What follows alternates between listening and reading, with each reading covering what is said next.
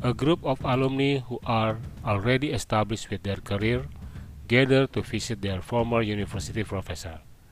The conversation soon turned into a complaint about the stress in their work and life.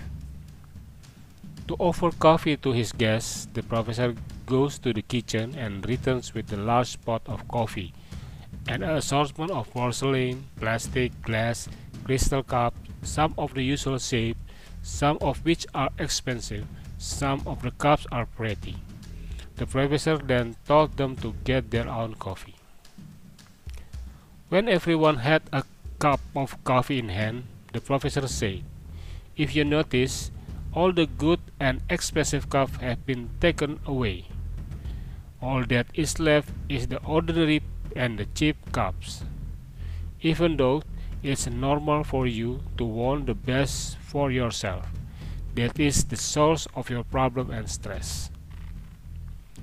Rest assured that the coffee itself does not add a quality to the coffee. In most cases, it just makes coffee more expensive and in some cases even hide what we drink. What you all really want is coffee, not a cup, but you consciously choose the best cup, and then you start glancing at each other cups. Now watch this? He continued.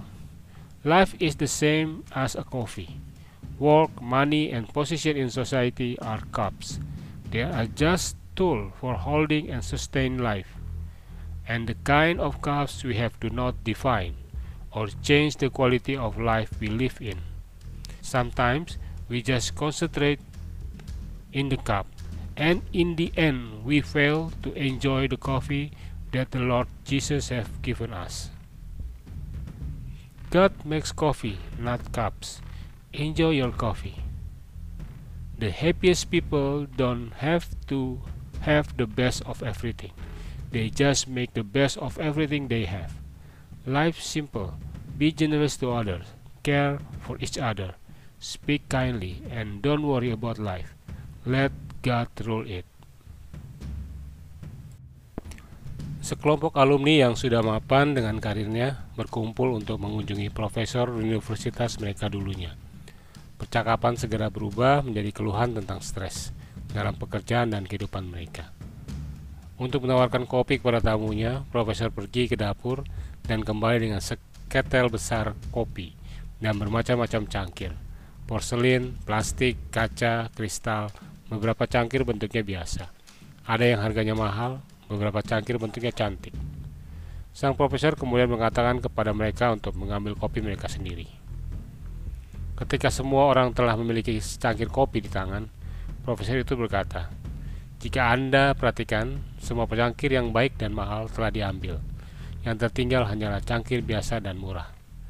Meskipun normal bagi Anda untuk menginginkan yang terbaik untuk diri sendiri, dan itulah yang menjadi sumber masalah dan stres Anda. Yakinlah bahwa cangkir itu sendiri tidak menambah kualitas kopi. Dalam kebanyakan kasus, hanya membuat kopi menjadi lebih mahal dan dalam beberapa kasus bahkan menyembunyikan apa yang kita minum. Apa yang kalian semua benar-benar inginkan adalah menikmati kopi, bukan cangkir. Tetapi dengan sadar Anda memilih cangkir terbaik dan kemudian Anda mulai melirik cangkir masing-masing. Sekarang perhatikan ini. Lanjutnya, hidup itu sama dengan kopi. Pekerjaan, uang, dan posisi dalam masyarakat adalah cangkir. Mereka hanya alat untuk memegang dan menopang kehidupan. Dan jenis cangkir yang kita miliki tidak mendefinisikan atau mengubah kualitas hidup kita hidup. Kadang-kadang kita hanya berkonsentrasi pada cangkir, dan akhirnya kita gagal untuk menikmati kopi yang telah Tuhan Yesus berikan kepada kita. Tuhan membuat kopi, bukan cangkir. Nikmati kopi Anda. Orang-orang yang paling bahagia tidak harus memiliki yang terbaik dari segala sesuatu. Mereka hanya membuat yang terbaik dari segala yang mereka miliki. Hiduplah sederhana, bermurah hatilah pada orang lain, peduli satu sama lain, berbicaralah dengan ramah, dan jangan cemas akan hidup ini. Biarkan Tuhan yang mengaturnya.